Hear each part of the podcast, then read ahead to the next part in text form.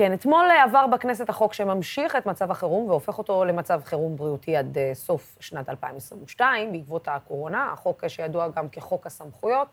זאת בזמן שבממשלה ממשיכים לנסות למצוא את הדרך הנכונה להתייחס למגפת הקורונה. כעת מצטרף אלינו יושב ראש ועדת חוקה, חוק ומשפט, הרב וחבר הכנסת ממפלגת העבודה, גלעד קריב. שלום, שלום. שלום, ערב טוב. אתה רוצה אה, ל- ל- לקשור את אה, דבריך בהתחלה על הדברים ששמענו משי ניצן? טוב, אני כמובן מצטרף, אה, מצטרף אה, לדבריו הראויים והנכונים אה, על השופטת נאור, זכרה לברכה, ובעיקר על המורשת.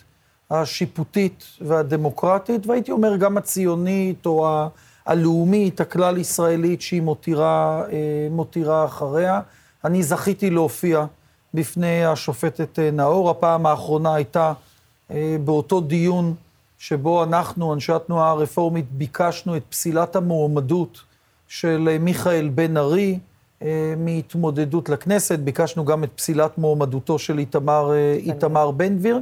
וזו הייתה רק דוגמה אחת לפסיקה אמיצה של השופטת נאור, שהכשירה את ההתמודדות של בן גביר, אבל שמה קו אדום ומנעה את ההתמודדות של בן ארי, לאחר מכן גם של בנצי גופשטיין, איש להבה, וברוך מרזל. כן, זה לא שבנצי גופשטיין לא הגיע אה, בסופו של דבר, אה, אתה יודע, לא, לכנסת לא, בצורה חשוב, כזאת או אחרת. חשוב, חשוב לומר, אין, אין דינו של אדם שנכנס לכנסת עם תעודת יועץ פרלמנטרי כדינו של מי שיושב בתוך המליאה ומחוקק. צר לי שבית המשפט לא קיבל את העמדה שלנו, שגם איתמר בן גביר לא צריך לשבת בתוך מליאת הכנסת, אבל מי שקורא את פסק הדין, מאתר בו את כל הדברים שדיבר עליו אה, עורך הדין שי, אה, שי ניצן.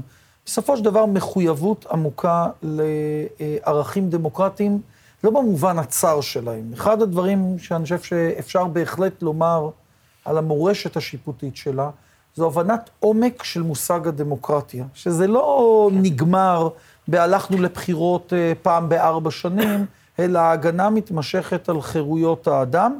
וזה באמת אה, מעבר טוב לדיון המורכב, אבל החשוב מאוד, על אה, חוק הסמכויות, חוק או חוק הקורונה. אז אתה יודע, אם אנחנו כבר פותחים, ואתה אומר על עמדתה האיתנה אה, מול, בעצם אה, אה, בפני המילה דמוקרטיה והגנתה למילה דמוקרטיה, חוק הסמכויות על אף שאנחנו בזמן אה, חירום, אתה יודע שכשאתם ישבתם באופוזיציה, אתם הרמתם גבה על חוק הסמכויות. אתם אמרתם, אתם אמרתם שזה חוק שלא עובר במדינה דמוקרטית, יותר... ואין צורך באמת להפעיל לא, לא. חוק כזה. הרבה במ... יותר, הרבה יותר מהרמת אה, גבה. אני אז לא הייתי אה, בכנסת ביולי שנת 2020. אבל ראשי מפלגתי, מפלגת העבודה, וגם המפלגות האחרות אה, במחנה המרכז-שמאל הרימו קול צעקה. והם הרימו קול צעקה בצדק, מכיוון שיש פער דרמטי בין חוק הסמכויות שממשלת נתניהו העבירה, לבין התיקון לחוק הסמכויות שאנחנו אישרנו אתמול, שאומנם האריך את חוק הסמכויות או את התוקף שלו עד סוף 2022, אבל הכניס בו שינויים דרמטיים בדיוק באותם מקומות שנגדם אה, אנחנו, אה, המחנה שלנו צעק לפני, אה, לפני שנה. השאלה היא מראש, בשביל מה או, צריך תראי, חוק סמכויות? תראי, יש כאלה שטוענים, אני חושב שכדרך אגב הם מיעוט מאוד קטן בחברה הישראלית, יש כאלה שטוענים שבעצם הקורונה לא מציבה בפנינו אתגר מיוחד. מדובר בעוד סוג של... אה, שפעת או מציאות אה, בריאותית, בסדר גמור, זכותם. מי שחושב כך, באמת אה, לא מבין למה צריך חוק. רוב אזרחי מדינת ישראל, רוב אנשי הרפואה והמדע, כדרך אגב, לא רק במדינת ישראל, בכל רחבי העולם, חושבים שגם עכשיו, למרות החיסונים, אנחנו עדיין בהתמודדות עם איזשהו אתגר, אתגר מיוחד, אתגר שמחייב את הממשלה להפעיל כלים מיוחדים. עכשיו, מי שמבין שיש מצב מיוחד, צריך לשאול את עצמו מה עדיף. האם עדיף שהכנסת תסדיר בצורה מפורשת, בחוק, עם איזונים ובלמים, את הטיפול הממשלתי בקורונה, או שלמשל עדיף שישתמשו בתקנות לשעת חירום, או עדיף למשל שישתמשו רק בפקודת בריאות העם שנחקקה על ידי המנדט, אה, המנדט הבריטי. בסופו של דבר, אלוהים נמצא בפרטים הקטנים. בג"ץ הוא זה שאמר שאי אפשר, אפרופו השופטת נאור, כן. שאי אפשר להשתמש בתקנות לשעת חירום, אלא צריך חקיקה מסודרת. נתניהו ניצל את החקיקה הזאת כדי לרסק את הפיקוח הפרלמנטרי על הממשלה. אתה מבין... אנחנו שיקמנו אותו אתמול. אבל חבר הכנסת אה, אה, קרב, אתה, אתה מבין שזה מדרון חלקלק. אה, אתה מבין שאוקיי, יש חוק סמכויות, ועכשיו עושים עליו תיקון לחוק הסמכויות. אתם, אף אחד לא מבטיח לכם שהממשלה הזאת תישאר לארבע שנים, אף אחד לא מבטיח לכם שאתם תישארו אולי בשנה הקרובה. ובכל זאת, אם תבוא ממשלה היא... אחרת, היא תצטרך תראי, לעשות תיקון על התיקון על התיקון. הטענה הזו, הטענה הזו בעיניי היא אולי החלשה ביותר ביחס לחוק. למה? כי תראי, בוא נאמר שהיינו מוותרים עכשיו על החוק. אני אומר לך, כדרך אגב, אם היינו מוותרים עכשיו על החוק, תוך חודש, חודשיים, הממשלה הייתה צריכה עוד פעם, למשל, להתקין תקנות לשעת חירום, שמבחינה דמוקרטית זה דבר הרבה יותר גרוע. אבל נשים את זה בצד. אם היינו נותנים עכשיו, אה, לא מתקנים את החוק, אז החוק שהיה נותר מודל להתמודדות עם מגפה שמתרגשת אלינו, היה החוק הגרוע של נתניהו, שריסק את הפיקוח הפרלמנטרי. אנחנו העדפנו לא להותיר את החוק הרע ההוא בספר החוקים, לתקן את החוק, ואני אומר עוד פעם, אנשים יכולים להביע עמדה על החוק מבלי לקרוא אותו, אבל מי שרוצה דיון רציני, שיבין מה עשינו. אבל כתוצאה מזה שאנחנו שינינו את החוק, אם תבוא ממשלה אחרת בעוד ארבע שנים, כי יהיה מצב בריאותי אה, אה, חמור אחר, אז החוק שישמש תשתית הוא החוק המתוקן שלנו. אז... עכשיו בואו רגע נאמר, בואו נאמר שתתחלף הממשלה. אומרים לנו, אה, אה, היא תעשה שימוש אה, בחוק שהארכתם את תוקפו. אז קודם כל, אני מזכיר, הארכנו את תוקף החוק עד סוף השנה הזו. אבל בואו נאמר מה, ואם תעלה ממשלה אחרת, אז היא לא יכולה לחוקק מחדש את החוק של נתניהו? להפך. אנחנו הצגנו בפני הכנסת ובפני הציבור הישראלי דגם של חוק, שמצד אחד נותן לממשלה ארגז כלים להתמודד עם מגפה, אבל מצד שני עושה שני דברים. א', אומר, מספיק לומר שאנחנו במישור של חירום. שנתיים אנחנו בחירום. כולנו הרי משתמשים בשפה של גלים, נכון? למה להשאיר את מצב החירום בין הגלים? למה לא לבדוק בעיצומו של גל, האם באמת יש פה אירוע חירום? ולכן קודם כל יצרנו הבחנה בין מצב חירום לבין מצב בריאותי מיוחד. ובמצב בריאותי מיוחד הממשלה לא יכולה להפעיל את הסמכויות החמורות. אבל אתה מבין, אבל אתה מבין מה הבעיה. הבעיה היא שזה מגיע אחרי שאתם, הממשלה שלכם, החליטה להמשיך להשתמש באיכוני שב"כ. ואתם, הממשלה no. שלכם, שיצאה כנגד כל אותם דברים שנתניהו אני... החליט עליהם, הממשלה לוסי שלכם לוסי בוא, בסוף בוא... מקבלת את ההחלטות האלה, שהן פשוט... נוגדות לחלוטין את מה שהבוחרים בכלל שלחו אתכם לעשות. פשוט לא נכון. פשוט לא נכון. הבוחרים שלחו אותנו בו בזמן לבצע שתי משימות. בעצם שלוש. האחת זה להגן על בריאות הציבור בעיצומה של מגפה עולמית. מדינת ישראל לא נוקטת בצעדים שבאופן גורף מדינות מערב אחרות לא נוקטות בהם. בשעה שאנחנו מדברים כאן, אוסטריה אה, מפעילה חובת חיסונים, ומדינות אחרות נוקטות במדיניות תו ירוק למשל, שאין בו אלטרנטיבה, אין בה אלטרנטיבה של בדיקות. לאלה שבחרו לא להתחסן, ואני יכול לתת שורה ארוכה של דוגמאות, מדינות באירופה שיושבות היום בסגר, דמוקרטיות. איננו לא להם. איננו לא בחוץ. לא, רגע, לא רגע, רגע, רגע, אבל, אבל למה אני מזכיר את זה? אנחנו התבקשנו על ידי ציבור הבוחרים שלנו לשמור על בריאות הציבור. דבר שני, לשקם את הדמוקרטיה הישראלית. ודבר שלישי, לא פחות חשוב, להתעסק עם האתגרים החברתיים והלאומיים הנוספים חוץ מהקורונה. אבל רוב אזרחי ישראל, בסוף, הם כן שומרי חוק. שים לב מה קרה, שים לב מה קרה בגל הזה. אנשים הכניסו את עצמם לסגר מבלי שהם היו צריכים להיכנס כדר... לסגר. מבלי שאמרתם להם כן להיכנס לסגר או לא להיכנס לסגר, אני לא צריכה אנשים, להגיד לך מה קורה אנשים, ברחובות. את יודעת מה? בואו רגע נדבר מה קורה ברחובות. אתמול, אה, בערב, מחמת הגשם, אה, הורדתי את... יועציי הפרלמנטריים לביתם בתל אביב, אני איש גבעתיים. עברתי ברחובות תל אביב. אין סגר. ישנה ירידה בפעילות המשקית. אנשים הכניסו את עצמם הביתה, לא, שנייה, אנשים לא, לא מסתובבים יותר מדי ברחובות. את יודעת, קל, קל, קל, טוב, ראשית, טוב מאוד שאנשים שהם בקבוצות סיכון מצמצמים את לא, המגעים. זה אומר שאזרחי ישראל, יש להם אחריות. נהדר, אבל קודם כל, אין סגר. ואני מציע לציבור ששלח אותנו לכנסת, אה, אה, קצת יותר, אה, אה, או, או לזכור היטב מה היה פה עד לאחרונה, בסדר?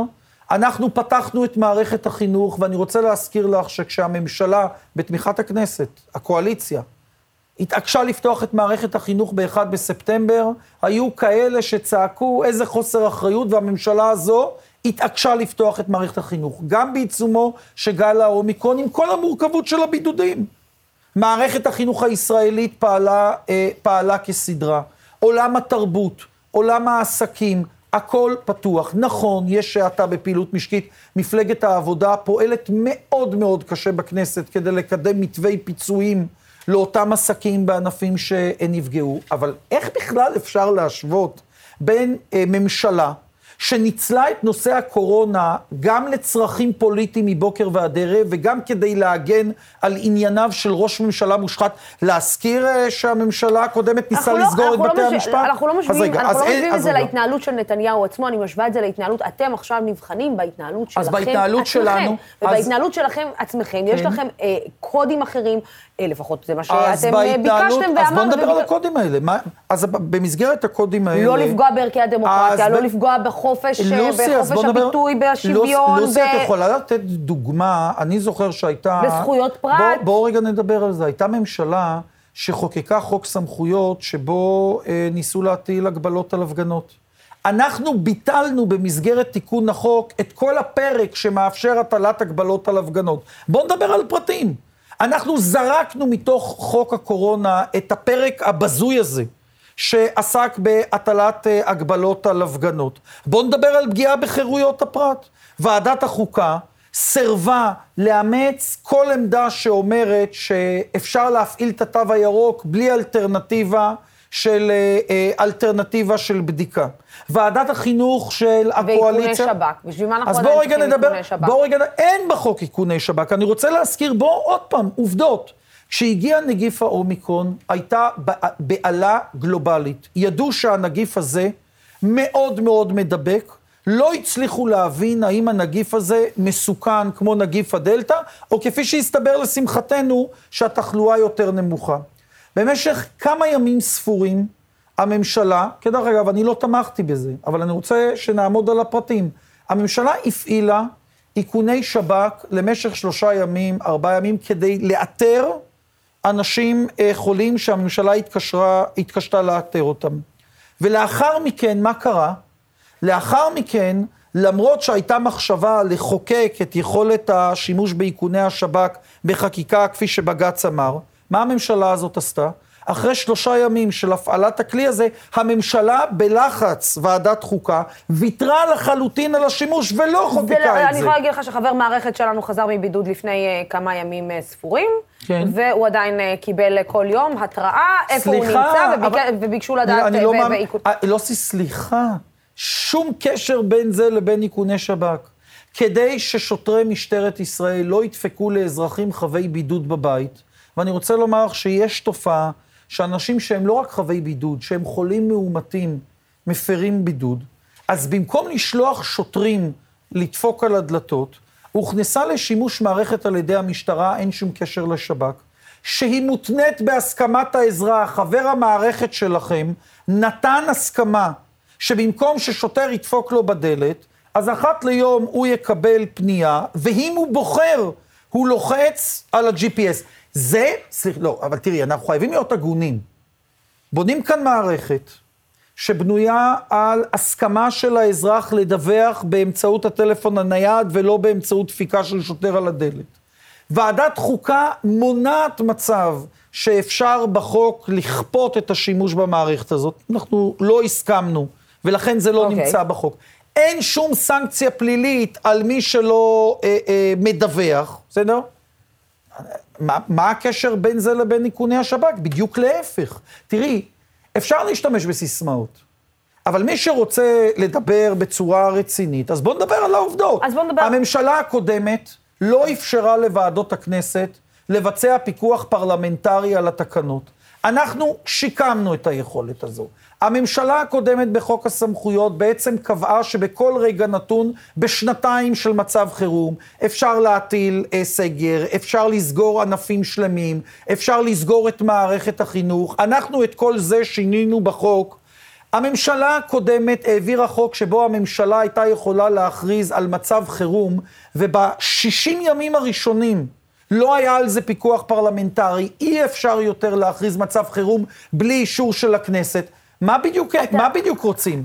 שלא יהיה חוק שמסדיר את הכלים של הממשלה? אוקיי. שהממשלה תעשה מה שהיא רוצה? לא, אני מסכימה איתך שצריך להיות חוק, ועדיין, אה, אני כן רוצה לשאול, תראה, קודם כל אני אשאל שאלה שאחד הגולשים שלנו שאל היום, האם אתה מסכים, מכיוון שנכנסנו כבר לענייני הקורונה, האם אתה מסכים שאין הבדל בעקבות התחלואה הקשה, בעקבות האומיקרון, אה, בניגוד למה שחשבנו בהתחלה? טוב. האם אתה מסכים שאין הבדל בין מחוסן ללא לא. מחוסן בתחלואה הקשה? בואו רגע נדייק, אז אה, את ה... אם מותר לי להציע דיוק לשאלה, זה לא בניגוד למה שחשבנו בהתחלה. זה לא בניגוד למה שחשבנו. בגלים הקודמים ובווריאנטים הקודמים היו הבדלים מוכחים בפוטנציאל ההדבקה וההידבקות בין מחוסנים לבין לא מחוסנים. יש ויכוח בין רופאים, בין אנשי מדע, מה עוצמת ההבדל. אבל רוב הרופאים ורוב אנשי המדע קבעו, אה, בישראל ולא בישראל, שבווריאנטים הקודמים ישנו הבדל דרמטי בפוטנציאל ההדבקה וההידבקות, ולכן הייתה הצדקה לשימוש, כדרך אגב, מאוד מידתי ומסודר בתו הירוק. נגיף האומיקרון או וריאנט האומיקרון הוא שונה. אנחנו יודעים כרגע שעדיין ישנו הבדל דרמטי בעומק התחלואה או בעוצמת התחלואה, כמובן בסטטיסטית, כן. בין מחוסנים ללא מחוסנים, ובמובן הזה חשוב מאוד להתחסן. חשוב מאוד להתחסן, אני גם חיסנתי, לא חיסנתי, ילדיי אה, אה, התחסנו, אני התחסנתי. יש כרגע סימן שאלה גדול, האם בווריאנט האומיקרון יש הבדל בהדבקה ובהידבקות בין מחוסנים ללא מחוסנים, ולכן כבר אה, עכשיו ברור שצריך לבחון את מדיניות התו הירוק. אני אמרתי בשבועות האחרונים בוועדה, שאלא אם הממשלה תביא לנו אה, הצדקה אפידמיולוגית רצינית, שיש הבחנה רלוונטית בין מחוסנים ללא מחוסנים עכשיו, אה, אה, בגל הזה, הזה, אנחנו לא נאפשר את המשך התו, התו הירוק. אבל תראי מה קורה. לוקחים סיטואציה של רלוונטית לינואר 2022, ובונים מכאן תיאוריות מופרכות על מה קרה כאן בגלים הקודמים. הייתה הצדקה להשתמש בתו הירוק בגלים הקודמים. בניגוד למה שקורה בחלק גדול ממדינות העולם המערבי, אנחנו תמיד עמדנו שבצד העניין של תעודת המחוסן או המחלים, תהיה אפשרות לעשות בדיקות אנטיגן. אני מזכיר לך שהממשלה הזו, כדרך אגב, עוד פעם, בניגוד, ל, בניגוד ל, ל, ל, לעצתי, הלכה לתו ירוק אה, מורחב אה, גם בשטחי מסחר בחנויות. אבל תוך עשרה ימים נסוגה מזה. אז אבל... יש כאן הוכחה הנה, אתה מבין, שיש כאן, מה אני מבין? שיש לא. כאן ממשלה, שיש כאן ממשלה ששומעת, ששומעת, שבודקת, שלא אוקיי, מנציחה מדיניות. מה היינו מעדיפים? אני הולכת איתך. מצד אחד אפשר להגיד... ממשלה שלא משנה את עמדתה? אוקיי, אני הולכת איתך. מצד אחד אפשר להגיד שיש ממשלה שבעצם מקשיבה להלך הרוח של הציבור. לא, היא מקשיבה להלך הרוח, קודם כל של המחקרים המדעיים. בודקת, נשענת על ממצאים. של מה שקורה, של מה שיש מסביב, אה, קשובה למה שקורה. מצד שני, ישנה הרגשה, למשל, כמו בעניין הזה של כן להחזיר, אה, להוציא ילדים מבידודים, זאת אומרת, כן. כן להחזיר את מערכת החינוך, שרגע, לפני חמישה ימים זה היה? שישה ימים מתייצב ראש הממשלה עם שרת החינוך, עם אה, אה, אה, שר הבריאות, ואומרים, אנחנו ביום חמישי הבא מפסיקים את הבידודים. ואז היום, יומיים לפני, מתחילה סאגה. לא, אנחנו טוב. לא יודעים, אנחנו כן נפסיק. תראי, אנחנו לא נפסיק. כנראה... רגע, נכון לרגע זה שאני ואתה מדברים, כן. עדיין אנחנו לא יודעים אם מפסיקים. טוב, אז בוא, אז בוא רגע, את יודעת, אני רוצה לומר. משהו. אני רוצה לעשות פה איזשהו ניתוח אה, לפני הסדר, מכיוון שאני אה, נמצא בערוץ שידור. שחרת על דגלו את אה, ביצור וחיזוק הדמוקרטיה, נכון. גם על רקע מה שעברנו כאן בשנים האחרונות, תרשי לי להציע איזושהי אה, הבחנה של פסיכולוגיית המונים. יכול להיות שגם אנחנו, שאנשי המחנה שמאוד לא אהבנו את מה שהתחולל פה בשנים האחרונות התמכרנו לדגם של מנהיגות, שבה אה, בשבילנו מנהיגות זה מי שדופק על השולחן בעוצמה, בסדר? ולא זז מעמדותיו. זאת לא מנהיגות, זאת מנהיגות פופוליסטית ולא אחראית. בואו נדבר על הסיפור של הבידודים.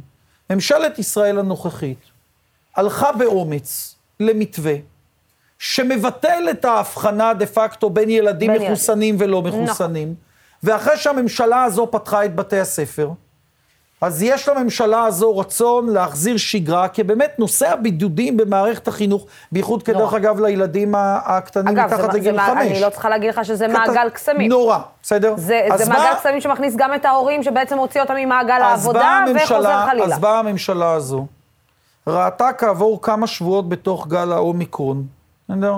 שהנתונים מאפשרים את לקיחת הסיכון, הכל פה זה ניהול סיכונים, של אה, סיום מתווה הבידודים במערכת החינוך. הודיע על זה.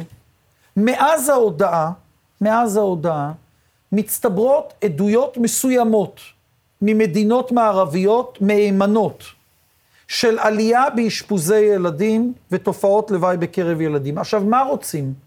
שלא ידברו על זה אה, בתוך הממשלה? מה רוצים, שלא יתקיים? או אולי רוצים שהדיון הזה יתקיים אה, בבור, בסדר? כשהציבור לא שותף להתלבטויות של קברניטי המדינה, בסדר? ואז נקבל בשמונה בערב איזה מסיבת עיתונאים של ראש ממשלה שדופק על השולחן. אז אנחנו לא מאמינים בדרך הזו. אנחנו מאמינים שכשמגיעים נתונים אה, חדשים על תחלואת ילדים, אז עושים רגע עצירה וחושבים. אנחנו מאמינים שהציבור זכאי לדעת ששר הבריאות אוחז בעמדה אחת, ושרת החינוך אוחזת בעמדה אחרת, ויש שיח ויש דיון, ובסוף, בדרך דמוקרטית, הממשלה מצביעה ומאמצת את העמדה. יש לי איזושהי תחושה שיותר מדי אנשים בציבור מדברים על דמוקרטיה, אבל כשמפעילים כאן דמוקרטיה, דהיינו שיח ציבורי פתוח, שיקול דעת, איזושהי אה, התכתבות עם המציאות כפי שהיא עכשיו, ולא כפי שהיא מדומיינת בראשנו, אה, פתיחות ושקיפות לגבי גם ויכוחים שקיימים בתוך הממשלה, בין הממשלה לבין ועדת חוקה, זאת דמוקרטיה. וכן, מה לעשות, אנחנו חיים בתקופה מורכבת ומבלבלת. שבה אה, הרבה פעמים אנחנו לא יודעים עד הרגע האחרון מה, מה ילד יום, אבל זה, זה דינה של התקופה הזו. ואני מעדיף ראש ממשלה שמתלבט בפתיחות, האם לדחות את מתווה הבידודים בעוד כמה ימים או לא, בוודאי שזה מייצר קושי להורים. אבל זה, אם... זה לא רק קושי להורים, זה קושי למשק, זה קושי... הכל נכון. אני לא להגיד לך ש... ועכשיו מה, לא צריכה להגיד לך שזה משפיע מה, על הכל. עכשיו, מה את מעדיפה? שיהיה לנו ראש ממשלה ש... ושר בריאות, שמקבל דיווחים מגורמי מדע בעולם על עלייה באשפוזי ילדים, על תופעות של פימס, אה, תופעות לוואי, ויאמר מה? בגלל שאני ביום חמישי שעבר הצהרתי ואני צריך להגן, מי צריך לנהל את המשבר? יועצי התקשורת או אה, אה, אנשי המדיניות של מערכת הבריאות ונבחרי הציבור שצריכים לקבל את ההחלטות המורכבות? זאת השאלה. והיה לנו די, שבענו די. מממשלה שמתנהלת בעיקר על ידי יועצי התקשורת הפרחחים של ראש ממשלה שמתנהג בבריונות כלפי, אה, כלפי הכנסת וכלפי חלקים בציבור. והגיע הזמן שהציבור שלנו, הגיע הזמן שהציבור שלנו יעמוד מאחורי המילים שלו. מי שרוצה דמוקרטיה, כך נראה שיח דמוקרטי. שומעים על הוויכוחים, לא כמהים לאיזושהי מנהיגות אה, אה, אה, חזקה מזוי, מזויפת, כך נראית התמודדות דמוקרטית עם מגפה. בוא נדבר אה, רגע, נצא מנושא הקורונה, הדברים היו מאוד ברורים. אה, אני רוצה לדבר איתך על נושא שאולי קצת ממעטים לדבר עליו, ממעטים להגיב עליו. הוא מופיע מדי פעם באיזשהו אייטם סיכום כזה או אחר, וזה אלימות, אה, אותה קבוצה של אלימות מתנחלים בקרב המתנחלים, קבוצה קטנה שבעצם עושה את כל שעולה על רוחה. אף אחד לא באמת עוצר את הקבוצה הזאת. כן. ממש אה, באירועים האחרונים, אחרי שהציתו רכב אה, גם של אה, פעילי שמאל, שמענו את שר הביטחון בפעם הראשונה אולי אומר איזשהו, שזה איזשהו קו אדום, שאי אפשר לעבור לסדר, משהו רפוי מאוד. Mm-hmm. איפה אתם במפלגת העבודה? אז קודם כל, חשוב לומר בפתח ההתייחסות לעניין הזה, שאכן מדובר ככל הנראה במיעוט, אפילו אפשר לומר מיעוט קטן מקרב uh, המתנחלים או האזרחים ישראלים שמתגוררים uh, מעבר לקו הירוק. אבל, כמו שכבר למדנו מספיק פעמים בהיסטוריה שלנו ובהיסטוריה של uh, האנושות כולה, uh, מספיק מיעוט קטן, אלים וכוחני, uh, כדי לחולל טרגדיות גדולות, בייחוד כשהרוב אה, לא, לא מנקה את העשבים השוטים מן הערוגה. והתופעה הזו של אלימות פורעי הגבעות, אני מסרב לקרוא להם נערי הגבעות. נערי הגבעות זה נשמע זה גם, כאילו, קומזיץ. כאילו, לא רק כן. קומזיץ, גם יש כאן עכשיו איזושהי מכבסת מילים חדשה, התיישבות צעירה, כן. איזה, כאילו הכל אני, נראה אני, כזה קום בעיה מאוד נחמד. אם תעקבי אחרי הפוסטים שלי בעניין וההתבטאויות שלי, אני כבר אה, הרבה מאוד אה, אה, זמן אה, מכנה את החבורה האלימה הזאת בשם אה, פורעי הגבעות. זה לא נערים ו, ונערות, את יודעת, אומרים לנו מקרי רווחה, נפלטו ממערכת החינוך. באמת, חברים, תפסיקו אה, לספר לנו את הסיפורים, אה, את הסיפורים האלה. מדובר בבריונות, מדובר בגלישה אה, לטרור. אה, לאומני, מדובר אה, אה, בפורעי גבעות. עכשיו, אני אומר לך בדיוק איפה, איפה אנחנו. יש כאן אה, צורך, אה, עוד פעם, אני חוזר למה שאמרתי לך בעניין הקורונה, שבענו ממנהיגות שמכריזה הכרזות. המבחן שלנו הוא לא הכרזות, הרי אה, כל אנשי מפלגת העבודה והשר לביטחון פנים אה, בראשם, אה, יכולים אה, רק להכריז הכרזות. כי דרך אגב, ראינו את השר לביטחון פנים אומר אלימות מתנחלים, ראינו גם מה שותפינו לממשלה, איך הם נזעקים, אבל זה לא מאוד מפחיד אותנו. אנחנו אומרים את מה שצריך. אבל המבחן שלנו הוא לא בלומר, הוא לא בלגנות, הוא בלשנות את המציאות. ולכן למשל, כדוגמה אחת, אצלי אתמול אה, בוועדה, אה, התקיים אה, דיון בנושא, בנושא הזה. היו גם כאלה שאמרו, מה פתאום אתה דן על זה בוועדת חוקה, חוק ומשפט? והתשובה שלי הייתה פשוטה, על איזה שלטון חוק אפשר לדבר במדינת ישראל אם הם אזרחים ישראלים חובטים אה, עד זוב דם בפעילי חברה אזרחית ובחקלאים פלסטינים, ויודעים ששום דבר לא יקרה להם. אז אין חוק, אז אין חוק ומשפט בכזו אה, אה, מדינה. אנחנו קיימנו אתמול אה, דיון. הדיון לא התמקד בלשמוע את העדויות של אה, אה, אותם נפגעים, כי בשביל זה יש רשתות חברתיות בשביל העדויות. אנחנו הבאנו אתמול את סגן מפקד מחוז אה, ש"י, את אה, אה, היועץ המשפטי של אה, אוגדת אה, איו"ש של אה, צה"ל, גורמי פרקליטות, ואנחנו... מה הם מסבירים? מה הם מסבירים? תראי. תסביר לי, חבר הכנסת קריב, מה הם מסבירים? אני רוצה לומר לך... כי לראות את חיילי צה"ל עומדים מהצד. אז אני רוצה לומר ובעצם, לך... ובעצם, כאילו, בחוסר מעש, לא חושב, עוצרים את אותה חבורה. אז אני חושב, או, אז אני, אני חושב שאת נוגעת בנקודה מאוד חשובה, כי אני לקחתי על עצמי משימה שכדרך אגב לא תתמצא בדיון אחד. אני מתכוון עכשיו, אחת למספר שבועות, ואנחנו כבר קובעים דיון מעקב נוסף אה, בעוד שלושה שבועות, ובין דיון אחד לבין דיון שני, צה"ל והמשטרה יצטרכו להמציא נתונים. אני מתכוון אה, אה, לעסוק בעניין. את נגעת ככל הנראה באחת הנקודות הקריטיות. מה שמסתבר, ולהערכתי זה הסיפור, זה הסיפור הגדול. החוק ביהודה ושומרון, צו האלוף, שהוא הריבון, mm-hmm. מכיוון שזה שטח צבאי, וצריך כן. להזכיר כל הזמן שזה שטח צבאי, זה לא חלק ממדינת ישראל הריבונית. צו האלוף אומר בצורה מאוד ברורה, שלכל חייל, אפילו לא לקצין, לכל חייל שרואה מעשה של אלימות, שיש לו חשד אה, אה, שקרה מעשה אלימות, מותר לעכב, לא לעצור, את אותו אה, החשוד. יותר מכך, מותר לו לעכב ולקחת את החשוד אל תחנת המשטרה. כדי שהמשטרה או תגיע לשטח, או בתחנה, תעצור את החשוד ותחקור אותו. זה לא קורה. צה"ל, אני צריך להבין, אבל איפה, איפה, איפה מתחילה הבעיה? צה"ל, מתוך אינטואיצ, אינטואיציה צודקת, שחיילים לא צריכים להתעסק באכיפת חוק על אזרחים, והמתנחלים הם אזרחים ישראלים. צה"ל, להערכתי, לא מיישם את uh, הצו שלו עצמו בנקודה הזו. ומי שרוצה אה, לפתור את אה, נושא אלימות פורעי הגבעות, חייב להתחיל בנקודה הזו. המדיניות של צה"ל בנושא העיכובים חייבת להשתנות. בכל פעם כי שחייל... אני שואלת את עצמי, אתה יודע, אני אומרת, אה, אולי אה, נהיה איזושהי מדיניות סלחנית כלפי המתנחלים, אה, אה, בגלל אני- סיבות פוליטיות, כי אני בטוחה שאם אותה אני- חבורה כזאת, הייתה עכשיו חבורה מגבעתיים, לצורך העניין, פועלת בתוך גבעתיים ועושה את מה שהיא עושה, המשטרה הייתה באה. הייתה עוצרת, מוציאה את ה... אז א', אין נאכף ספק, החוק. אז א', אין ספק שבכל הסיטואציה הזאת יש גם איזשהו מימד פוליטי-אידיאולוגי. אבל אני גם רוצה להציע לך, אה, זו לא אפשרות סותרת, זו אפשרות נוספת, בסדר? זה עוד, זה עוד זווית לנתח את העניין כדי לפתור אותו, לא לשם הדיון האינטלקטואלי. אתמול, שלשום, ראינו כולנו תמונות אה, בלתי נתפסות מ- מהיישוב חווארה.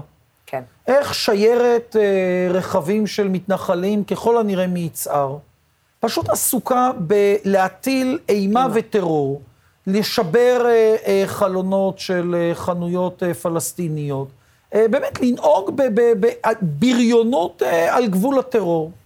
הצבא היה שם. מה הצבא עשה? הצבא הוציא אותם מתוך אה, חווארה בחזרה ליצהר. עכשיו, למה אני אומר את זה? כי דומני שמה שאנחנו רואים לנגד עינינו זה איזושהי תפיסה של הצבא, שכשקורה אירוע כזה, הוא כל כך נפיץ, שהדבר הראשון שצריך לעשות זה להפריד כוחות. מה שמעניין את הצבא זה לקחת את הבריונים האלה ולהוציא אותם, אה, אה, להוציא אותם מחווארה. ולא להתעסק בלעכב אותם ולעצור אותם. עכשיו, זו שגיאה, מכיוון שזה לתת רוח גבית לפוגרום הבא. עכשיו, להערכתי, זו אחת מן הסוגיות המרכזיות שצריך אה, אה, לשנות. זה לא עניין של גינויים, כולם מגנים אה, אה, אה, את, ה, את האלימות הזאת. מה שצריך לעשות, ואני לא מתכוון להרפות מהעניין, זה לא ייגמר בדיון בפרוטוקול. אנחנו נדרוש תשובות ברורות מפיקוד מרכז של הצבא, מאגף המבצעים, מהשרים הממונים. אנחנו נדרוש תגובות אה, ברורות ממשטרת אה, ישראל. להערכתי, א', צריך לטפל בסיפור הזה של העיכובים. חייל רואה אלימות, הוא מעכב את הבן אדם, לא נותן לו לחזור למאחז, ואז אי אפשר למצוא אותו. לחבר אותם לחשמל, את אותם מאחזים בלתי חוקיים? לא. לא, תראי, יש שם, אני רוצה, תראי, קודם כל, תודה שאת אומרת מאחזים אה, בלתי חוקיים, כי יש פה באמת אה, מכבסת, אה, מכבסת אה, מילים. בגדול, התשובה היא, אה, התשובה היא לא. אין שום דמיון, וצריך לומר את זה, אין שום דמיון בין האתגרים שיש לנו ביישובים הערביים בתוך אה, שטחה הריבוני של מדינת ישראל, לבין התופעה של המאחזים הבלתי חוקיים.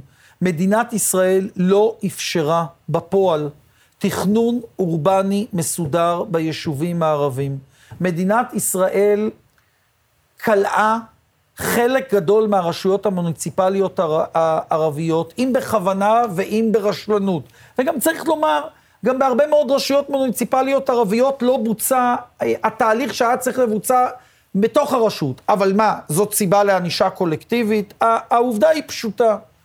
לחלק גדול מאזרחי מדינת ישראל הערבים שמתגוררים בתוך שטח מדינת ישראל הריבוני, היו קשיים מאוד מאוד גדולים להתנהל על פי חוקי התכנון והבנייה, ולא באשמתם. אז בצדק הממשלה, במקום שבו הייתה רשלנות של הממשלה, אז הממשלה אומרת, אני צריכה לתת מענה. בעניין המאחזים הלא חוקיים בשטחים, איזה בדיוק רשלנות מדינה הייתה? בדיוק להפך. המדינה השקיעה מיליארדים על גבי מיליארדים ביישובים מסודרים, שמתוקצבים ברמה הכי גבוהה. את יודעת, הימין משתלח במדינת הרווחה. חוץ מכשמדובר במדינת הרווחה ביהודה ושומרון. שם זה בסדר שהשירות הציבורי מנופח בצורה דרמטית. שם זה מצוין שמשקיעים תקציבי עתק בשירותים אה, חברתיים ובפעולות תרבות ובסלילת כבישים, שם זה בסדר. כשנכנסים לתוך שטח מדינת ישראל הריבונית, כאן צריך לפרק את מדינת הרווחה, כאן צריך להפריט את הכל. שום דבר לא מופרט בהתנחלויות, אבל בישראל הריבונית. אבל נחזור. מדינת ישראל העתירה תקציבים והעניקה עדיפות, הרי היום מפלגת העבודה עסוקה בשינוי מפת העדיפויות אה, אה, הלאומי. למה? מכיוון שהזניחו את הנגב והגליל, אזורים שחיים בהם גם יהודים וגם ערבים, העניקו עדיפות ליישובים היהודים ביהודה ושומרון, לא למשל לכל התושבים כן. בשטח C. עכשיו, במקום שאין רשלנות של המדינה, במקום שהאנשים האלה יכלו להתגורר ביישובים המוכרים ביהודה ושומרון. הם בחרו להקים ממניעים אידיאולוגיים פוליטיים אה, אה, אה, התיישבות לא, לא חוקית. אז, אז מה בדיוק ההצדקה להסדרה? עכשיו תראי, רוצים להיכנס לדיון, בסדר? רוצים להיכנס לדיון האם יש חריגים, רוצים להיכנס לדיון האם חלק מהמאחזים הבלתי חוקיים האלה קיימים 20 שנה, ואז אתה אומר, רגע, יש רשלנות של הממשלות הקודמות בטיפול בעניין, אה, לא צריך לקחת את זה בחשבון, בסדר. אנחנו מוכנים להיכנס לדיון בשאלה מה היוצא מן הכלל, כן. אבל זה אחרי שקובעים את הכלל. הכלל הוא שאין מה להשוות בין יישובים בתוך מדינת ישראל, שלא היה בהם תכנון אורבני ראוי לבין המאחזים הלא חוקיים. אחרי שנקבע את הכלל שמאחז בלתי חוקי הוא מאחז בלתי חוקי, עכשיו רוצים לבוא ולומר, יש פה כמה מקרים שבמקום לפנות, יש הצדקה לאיזושהי הסדרה שלא מסכלת מהלכים מדיניים, אז על הכל אפשר לדבר, ממשלה רצינית מדברת, בסדר?